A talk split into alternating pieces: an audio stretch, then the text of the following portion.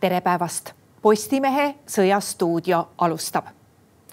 Iisraeli peaminister teatas, et sõda Hamasiga on jõudnud kolmandasse etappi, mis tähendab seda, et maavägede tungimine Gaza sektorisse järk-järgult laieneb. meil on stuudios Riigikogu liige ja sõjandusekspert Leo Kunnas, tere päevast. tere. no kui me nüüd vaatame seda, kuidas on Iisraeli armee maaväed just tunginud sinna Gaza sektorisse, siis kui palju me sellest õigupoolest teame, et eh, siit kaardilt on näha, et eh, see pealetung praegu puudutab eelkõige siiski Põhja-Gazat? praegu on see täpselt nii, et tegelikult Iisraeli maaväed on sinna teinud ka lühiajalisi reide nüüd eh, varem, aga praegu tundub tõesti, analüüsides avalikke allikaid, et maavägede sissetung on alanud, et et siit kaardist võib näha, et, et siin on siis Gaza sektori põhjaosa, et kust suuremad teed lähevad. siit näete ühte maanteed ja siis teist, teist siit lõunast põhja. et Iisraeli vägede eesmärk võib olla eristada see põhjasektor siis lõunasektorist ja püüda siis saada Hamasi tugipunktidest, punkritest ja tunnelitest siis järk-järgulise süsteemse edasitungi käigus nii-öelda jagu no sellest on räägitud, et Hamas võib paikneda põhiliselt just Gaza sektori põhjaosas, aga ikkagi see on ülitihedasti asustatud piirkond. et missugused eripärad on võitluseks nii tihedasti asustatud aladel, et mismoodi Iisraeli armee seal reaalselt maavägedega võitleb sellel Gaza sektori suhteliselt väiksel territooriumil? no see ala on tõesti suhteliselt unikaalne, et asustustihedus, nagu te näete, see on praktiliselt linnastu, üksainus suur linnastu. elanike arvuks on seal hinnatud kaks koma kolm miljonit ja territooriumi poolest on see on äh, väiksem kui Eesti väiksemad või no mitte päris väiksed, aga üks Eesti, Eesti väike vald, ütleks siis niiviisi.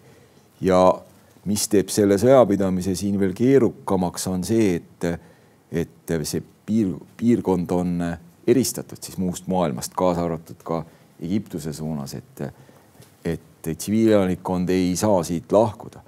ehk siis paratamatult ta jääb siin Iisraeli nii õhurünnakutele kui maavägede pealetungile jalgu no täna meil siin kaardilt ei ole nüüd otse näha tanke, aga eile oli ilusasti näha, et need tankid tulid siit äh, keskelt poolt ja tulid sealt päris põhjast. et kas see on nüüd nagu see mõte, et tükeldada see piirkond kuidagi ära, et miks nad, miks nad niimoodi tulevad? Noh, need pildid, tankipildid lihtsalt kujutavad tingmärgina mehhaniseeritud üksuste liikumist.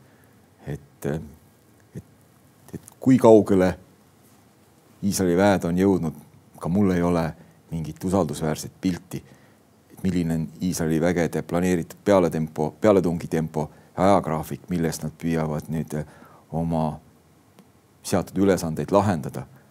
et, et väga keeruline väga keeruline piirkond, väga keeruline sõda oma ülesehituselt, lahingutegevus selleks, et, et tõesti need, nendest tunnelitest need Hamasi võitlejad kätte saada, peab siis kas need tunnelid õhku laskma või siis füüsiliselt sinna sisenema, ehk siis võitlema, võitlema põhimõtteliselt iga tugipunkti pärast, mis, mis Hamasil seal on. Ja, ja kuna asustustihedus on nii suur, siis tsiviilelanikkonna kaasnevad kahjud on väga suured, nii nagu õhu, õhurünnakutegi puhul, et mis on ka kutsunud esile, esile kriitikat Iisraeli tegevuse suhtes.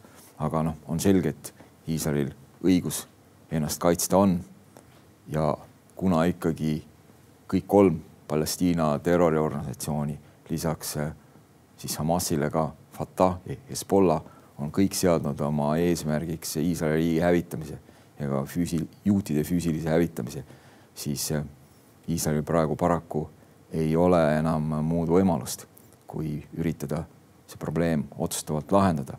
siin on sama küsimus nagu Iisraeli ajaloo jooksul pikalt on olnud, alates siis Iisraeli iseseisvuse väljakuulutamisest äh, põhimõtteliselt äh, tuhande üheksasaja neljakümne seitsmendal aastal juba. et esialgu kõik ümbritsevad Araabia riigid sead-, seadsid oma eesmärgiks eh, Iisraeli riigi hävitamise. Ja selle nimel ju peeti väga mitmeid sõdu. Nii põhimõtteliselt nelikümmend seitse, kaheksa, siis pärast viiskümmend kuus, siis kuuskümmend seitse, siis seitsekümmend kolm. Ja alles järk-järguliselt on Iisraelil, Iisraeli riigil õnnestunud sõlmida siis rahuleppeid ja püsivaid, püsivaid üldse diplomaatilisi suhteid sõlmida oma naaberriikidega, näiteks Egiptusega, kes on nüüd loobunud sellest ideest, et Iisraeli riigi peaks hävitama. ja noh, ka praegu tegelikult oli Iisrael jõudmas mitme teise riigiga, kaasa arvatud Saudi Araabiaga nii kaugele, et nad suudaksid Iisraeli eksistentsiga üldse leppida ja seda tunnustada. aga on selge, et, et Palestiina riiki, mingit riiklikku korda seal ei ole olemas. Gazas ei ole mingit seaduslikku valitsust, seal on võimul Hamas, kes on, kes on põhimõtteliselt selle koha, kohaliku palestiinlaste tsiviiladministratsiooni praktiliselt hävitanud või võtnud oma kontrolli alla, et, et probleem ongi selles, et, et Palestiina riiki kui sellist noh, ei ole olemas. seda ei ole olemas tegelikult eh, kusagil. ja, ja kõige hullem osa selles suhtes ongi Gaza sektor, kus, kus praktiliselt pärast seda, kui Hamas kaks tuhat seitse seal võimu haaras, see piirkond ongi, ongi Hamasi tegeliku kontrolli all. Ja Hamas loomulikult ei hooli tsiviileludest absoluutselt. Neil on, nende hinnang on see, et neid on palju, kui meid mõnevõrra hävitatakse, siis ei juhtu mitte midagi ja ei juhtugi. Ja seetõttu loomulikult nad kasutavad kõiki objekte oma sõjaliste tugipunktide rajamiseks, siis kaasa arvatud ka mošeesid ja haiglaid, mis on Iisraeli armeele suur probleem no kui te ütlesite, et eh, on vaja kätte saada need Hamasi võitlejad sealt nendest tunnelitest, siis eh, eeldatavalt, kui hea peab olema Iisraeli luurel see andmestik, kuskohast neid sealt otsida? no me ju nägime, et Iisraeli luureteenistustel oli selge probleem, kui nad ei suutnud, suutnud hinnata olukorda adekvaatselt ja ette näha põhimõtteliselt sedasama, sama terrorirünnakute esimest lainet, mis siis mis siis äh, tuli nüüd varsti juba kuu aega tagasi, et, et, et, et seetõttu loomulikult on ka mul, ka mul või meil kõigil see küsimus, et kui head luureandmed neil on. Ja loomulikult kuna, kuna Hamasi võitlejaid mingeid eraldusmärke ju ei kanna ja neid ei ole võimalik tsiviilelanike hulgast äh, mitte kuidagi eristada, siis noh, probleem ongi selles, et nad lihtsalt äh, haihtuvad tsiviilelanike hulka ja neid sealt äh, kätte saada on, on väga raske. Eh, seesuguses lahingus, nagu see Gaza praegu on, missuguste relvadega Iisrael seal sõdib? no eks Iisrael kasutab siin osa oma sõja kaitsejõududest, et Iisrael on mobiliseerinud kolmsada kuuskümmend tuhat inimest nüüd äh, oma sõja relvajõududest, mille kogu suurus on umbes nelisada seitsekümmend tuhat, üsna suure osa, aga Iisraelil on kolm rinnet ehk siis Lääne kallas ja Põhja-Iisrael ehk siis Liibanoni lõunaosa, kus Hezbollah paikneb. et, et seetõttu loomulikult Iisrael ei saa kõiki oma vägesid siin kasutada. Iisraeli selline põhiline maavägede põhiline jõud on mehhaniseeritud ja tankiüksused. et, et loomulikult neid Iisraeli vägedel on korralik väljaõpe, aga, aga nüüd saame näha, et kuidas neil nüüd selles suure linnastu tingimustes lahingupidamine õnnestub, et, et see ei ole päris see, milleks siis Iisraeli mehhaniseeritud üksused, nende, nende nii-öelda mehhaniseeritud jalaväebrigaadid ja, ja tankibrigaadid nagu originaalselt loodud on, sest need on ikkagi loodud tasakaalustamaks Araabia riikide sõjalist jõudu. eks Araabia riigid on, ma pean silmas siin kõiki Araabia naaberriike, et Iisrael on ikkagi oma eksistentsi algusest peale loonud relvajõud, mis suudaksid siis äh, põhimõtteliselt võidelda ka, ka juhul, kui kõik Iisraeli naabrid äh, riigile korraga kallale tungiksid, mis siis ongi ju ajaloos mitu korda juhtunud, aga nüüd on tegu asümmeetrilise vastasega, kellega on vaja teistsuguseid võitlusmeetodeid, teistsugust taktikat. Aga noh, Iisraeli, Iisraeli relvajõud on silma paistnud sellise kõrge kohanemise kohanemise astme poolest, et nad, ma loodan ka, suudavad siin kohaneda selle olukorraga ja, ja võidelda nii, et, et tsiviilelanikkonna kaotused Gaza sektoris ei paisuks liiga suureks, aga noh, see oht siin on aga samas on ilmselt ka oht, et ega Iisraeli armeele tuleb see, endale tuleb see võitlus ka üsna kannatusterohke. ja no Iisraeli viimaste, võib-olla viimase kahe aastakümne poliitika on olnud see, et, et vältida võimalikult palju, vältida inimkaotusi. Nad peavad iga inimelu hinda kõrgeks, noh, siin on kasvõi see näide, et, et ühe vangi langenud Iisraeli sõduri vabastamiseks vabastati terve hulk, hulk siis terroriste vanglast. et et nii see on, aga nüüd see suur terrorirünnakute laine, see löök, mille Iisrael siis sai, sai nüüd juba peaaegu kuu aega tagasi. et see siiski on ilmselt Iisraeli pannud ümber hindama ka suhtumist oma kaotustesse, et ikkagi kui, kui tuhat nelisada tsiviilelanikkond, tsiviilelanikku kaasa arvatud väikseid lapsi on lihtsalt tapetud, siis noh, ei ole, ei ole palju mu muud võimalust, kui püüda viia olukord selleni, et see enam ei korduks. millised on võimalused veel saada ikkagi kätte pantvange sealt eh, Gazast?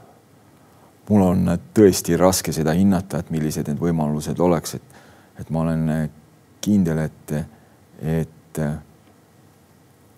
Hamas neid tapab, kui see on vaja nende eesmärkide saavutamiseks. et et, et ma ei suuda seda adekvaatselt hinnata ja ma ei pea seda ka nagu seda tõenäosust väga kõrgeks, kui nad just ise pantvange ei vabasta ja siin mingit kokkulepet ei saavuta. aga noh, ma kahtlen selles ka sügavalt, et see oleks praegu võimalik no Iisrael siiski annab ka lööke Süüria ja, ja Liibanoni pihta, et see on pigem selline heid, heidutus, et tal ei tuleks sealt piirkonnast nagu tugevalt eh, sõdida, samal ajal kui Gazas on see põhipunkt. Nii nagu mainisin, et Iisraelil on ikkagi kolm vastast ja Hezbollah tegutseb nii Süüria kui Liibanoni territooriumil, et aga seal selle sõjategevuse intensiivsus, samamoodi ka nende terroriaktide intensiivsus, mis siis Iisraeli suhtes toime on pannud, on, on ikkagi olnud võrreldamatult madal võrreldes nüüd sellega, mis siin Gaza sektori, Gaza sektori naabruses, siis Iisraeli aladel vahepeal toimus. Et kui me nüüd eeldamegi, et Iisrael Gaza sektoris ikkagi eraldab selle Gaza sektori põhjaala või põhjapiirkonna ära sellest ülejäänud piirkonnast. mis te arvate, et äh, kui kaua see maavägede sissetung seal kesta, kesta võib, enne kui Iisrael võiks saada mingisuguse sellise tulemuse, mis teda rahuldab?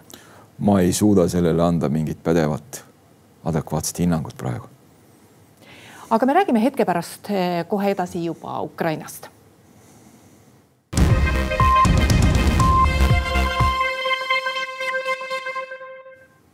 ja minnes nüüd edasi Ukraina juurde, siis ja vaadates, mis meil toimub siis äh, Ukraina rindel, siis äh, venelased nüüd siin küll viimastel nädalatel üritasid väga ägedalt pealetunge, mis eriti ei õnnestunud. kas, äh, kas viimased päevad näitavad, et need üritused, et nad on loobunud vähemalt nii intensiivselt või pole enam jõudu või mis meil seal Ukraina rindel õigupoolest toimub? no idarindel suuremate muutusteta võiks öelda, et, et kogu idarinne vaatamata nüüd äh, lahingutegevuse ägedusele mitmes piirkonnas on püsinud stabiilsena, ehk siis vaatame siit põhjast saadik, et, et sellest ajast peale, kui ma viimati käisin, Vene pool on siis siin Kupjanski Kreminna piirkonnas üritanud peale tungida, siis Ukraina pool on omakorda üritanud peale tungida Bahmutist lõunas. siis siin Donetski piirkonnas, ütleks niimoodi, Donetski sellises laiemas piirkonnas on toimunud, on toimunud ägedad lahingud, siin. Ei ole hästi näha siin Avdiivka eendpositsiooni, mis on siin otse Donetski linna külje all. Selline kõrgustik, kõrgustike vöönd, kus, kus, mille keskus on siis Avdiivka linn, et siin on toimunud ägedad lahingud. Vene väed on üritanud Ukraina poolt siis siin sisse piirata kahest, kahest küljest sedasama eendpositsiooni nii-öelda eraldada sealt, aga see ei ole õnnestunud. samuti Marinka piirkonnas on Vene pool siis väga intensiivselt rünnanud ja Ukraina pool on siis jätkanud ise, ise rünnakuid küll enam mitte sellise intensiivsusega nagu, nagu suvel siin, siin Zaporižje oblastis. Nende, neil on siin ka säärane eendpositsioon, kus nad on siis suutnud tungida, tungida välja siis Surovikini liini, teise liini siis kaitserajatisteni ja ja see sissemurre, mis neil seal on, paari kilomeetri laiune ja pooleteise kilomeetri sügavune, et see on seal püsinud nüüd, nüüd vaatamata sellele, et Vene pool on siis üritanud siin Orihhivist lõunas siis Ukraina vägesid tagasi tõrjuda. Ja Ukraina väed on ka siin Dnepri, Dnepri idakaldal suutnud luua paar pisikest sillapead siit umbes, umbes nendes piirkondades, kus ma näitan, aga noh, nende suurus on ka ruutkilomeeter paar, et, et mingit otsustavat läbimurret sealt näha ei ole, et, et kuigi lahingutegevus on olnud äge ja siin Avdiivka piirkonnas on Vene pool ka tuntavaid kaotusi kandnud, ehk siis ikkagi me räägime siin sõjatehnikast sada ühikut pluss tanke ja soomusmasinaid pluss isikkoosseisu kaks-kolm tuhat meest puhtalt surnutena. et siin on Vene pool rakendanud ka nii-öelda neid Sturm Z-üksusi ehk siis nüüd vangidest koosnevaid üksusi, mis ei ole, mis ei ole nüüd Wagneri grupi koosseisus, aga on siis osa Vene regulaarvägedest, nii nagu kunagi teises maailmasõjas nad rakendasid äh, trahvipataljone siis selliste, selliste raskete vaenlase kaitsevööndite ründamiseks, et aga, aga mingist edust rääkida siin ei ole võimalik, et, et rinne on olnud stabiilne, liikumised on mõõdetavad sadades meetrites maksimaalselt ühe-kahe kilomeetri ulatuses, et. no mene, mõned Vene sõjablogijad on juhtinud ka tähelepanu, et vot just nendest vangidest koostatud üksuste puhul, et Äh, nad on põhiliselt saadetud ikkagi kahurilihaks, sest kohati üritatakse seal rünnata ilma suurtükiväe toetuseta. jah, et need rünnakud, nii nagu Bahmuti piirkonnaski, need tõid kaasa suuri kaotusi Vene poole nende endiste vangide eludest, kelle nad siis on värvanud nüüd teenistusse. ega nad neist palju ei hooli, et, et, et see on sama sama käitumine nagu, nagu teises maailmasõjas, mil ikkagi nendest samadest trahvipataljonidest praktiliselt noh, seda ei saa isegi kahuriliha oleks, oleks võib-olla liiga kõrgelennuline nimetus selle kohta, et lastakse lihtsalt maha tappida, tappa, et aga noh, see iseloomustab nende suhtumist inimeludesse no kui ägedalt on suutnud Ukraina rünnata okupeeritud territooriume siin viimastel nädalatel, et siin on küll välja toodud, et vähemalt kolmandat korda on, on tabatud Vene õhutõrjesüsteeme äh, Krimmi läänerannikul, aga et kui ägedalt ja kui palju, kui suutlikult Ukraina suudab rünnata ja kui tulemuslikult neid okupeeritud territooriume? Ja et Ukraina poole süvaoperatsioonide osas võib jällegi siin positiivseid, positiivseid arenguid nendest, nendest on võimalik rääkida, ehk siis kuu keskel kuusteist, seitseteist, kui ma nüüd kuupäeva õieti mäletan, Ukraina pool andis siis, siin on Berdjanski linn, Berdjanski lennuvälja pihta ja samuti siin Luganski lennuvälja pihta täppislööke siis Haimars reaktiivlaskeseadeldistega, mille tarbeks siis Ukraina pool on saanud ka pikamaa laskeulatusega ehk siis umbes saja viiekümne kilomeetri kaugusele laskvaid rakette, et, et siin noh, nüüd sõltumatustest allikatest vähemalt kuus Vene helikopterit hävitati, kuus, kuue lahingukopteri kaotus on ka, ka Vene poole mastaapi isegi arvestades üsna märkimisväärne kaotus. Pluss, mis on juhtunud, et, et Vene poole nii kopterid kui kui lennukid, et neid surutakse ikkagi tagasi, tagasi siit rindepiirkonna lähedusest, mistõttu ka näiteks lahingukopterite lennuaeg, et nad saaksid siin rindel võitlevaid üksusi toetada, pikeneb, mis annab Ukraina poole natuke hingetõmbeaega ja ka meredroonide rünnakud on ikkagi sundinud Vene poolt viima oma, oma laevastikku Sevastoopolist Novorossijskisse, mis on, mis on umbes siin, ehk siis Sevastoopolisse nüüd laevad käivad ajutiselt. ehk siis Vene pool on uuesti sunnitud oma taktikat ümber korraldama, kus tal ei ole võimalik oma ei laevu ega lennukid ja lahingkopterid nii lähedal eesliinile hoida nagu seni, mis kergendab, mis kergendab äh, Ukrainal seda olukorda rindel kas ukrainlased peavad kartma, seda on küll paljud analüütikud ennustanud, et äh, venelased alustavad taas rünnakut, noh, taristu just nimelt Ukraina elektritaristu pihta, nii nad, nagu nad tegid eelmisel talvel. aga noh, praegu ei ole seda veel märkimisväärselt palju olnud. et kas ukrainlastel on põhjust seda karta või on siin midagi muutunud? Ma arvan, et on kindlasti põhjust karta, et praegu pole ju ka talv veel käes.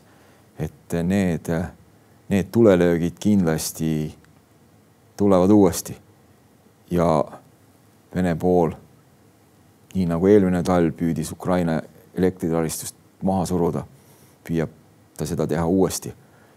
eks Ukraina pool ole ka õppinud ja, ja püüdnud nii palju alajaamu ja kõike muud, mida võimalik, viia maa alla. Korraldada asju nii, et, et sihtmärgid ei oleks nii kergelt hävitatavad, tabatavad, aga kindlasti ma pean seda väga tõenäoliseks, et Vene pool jätkab, jätkab Ukraina infrastruktuuri, mis on seotud siis elektrivarustusega, selle, selle pihta tulelöökide andmist nii nagu eelmine talv. ikka ütleme, see Ukraina õhukaitse ikka eelmise aasta talvega võrreldes nii palju paremaks ei oleks läinud, ei ole läinud, et see suudaks nüüd ära hoida selliseid suuremaid kahjusid?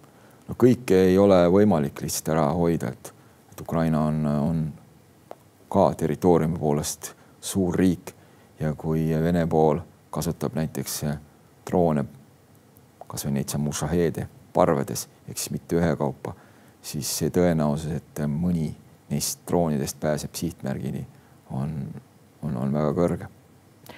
aitäh, Leo Kunnas, tulemast Sõjastuudio saatesse.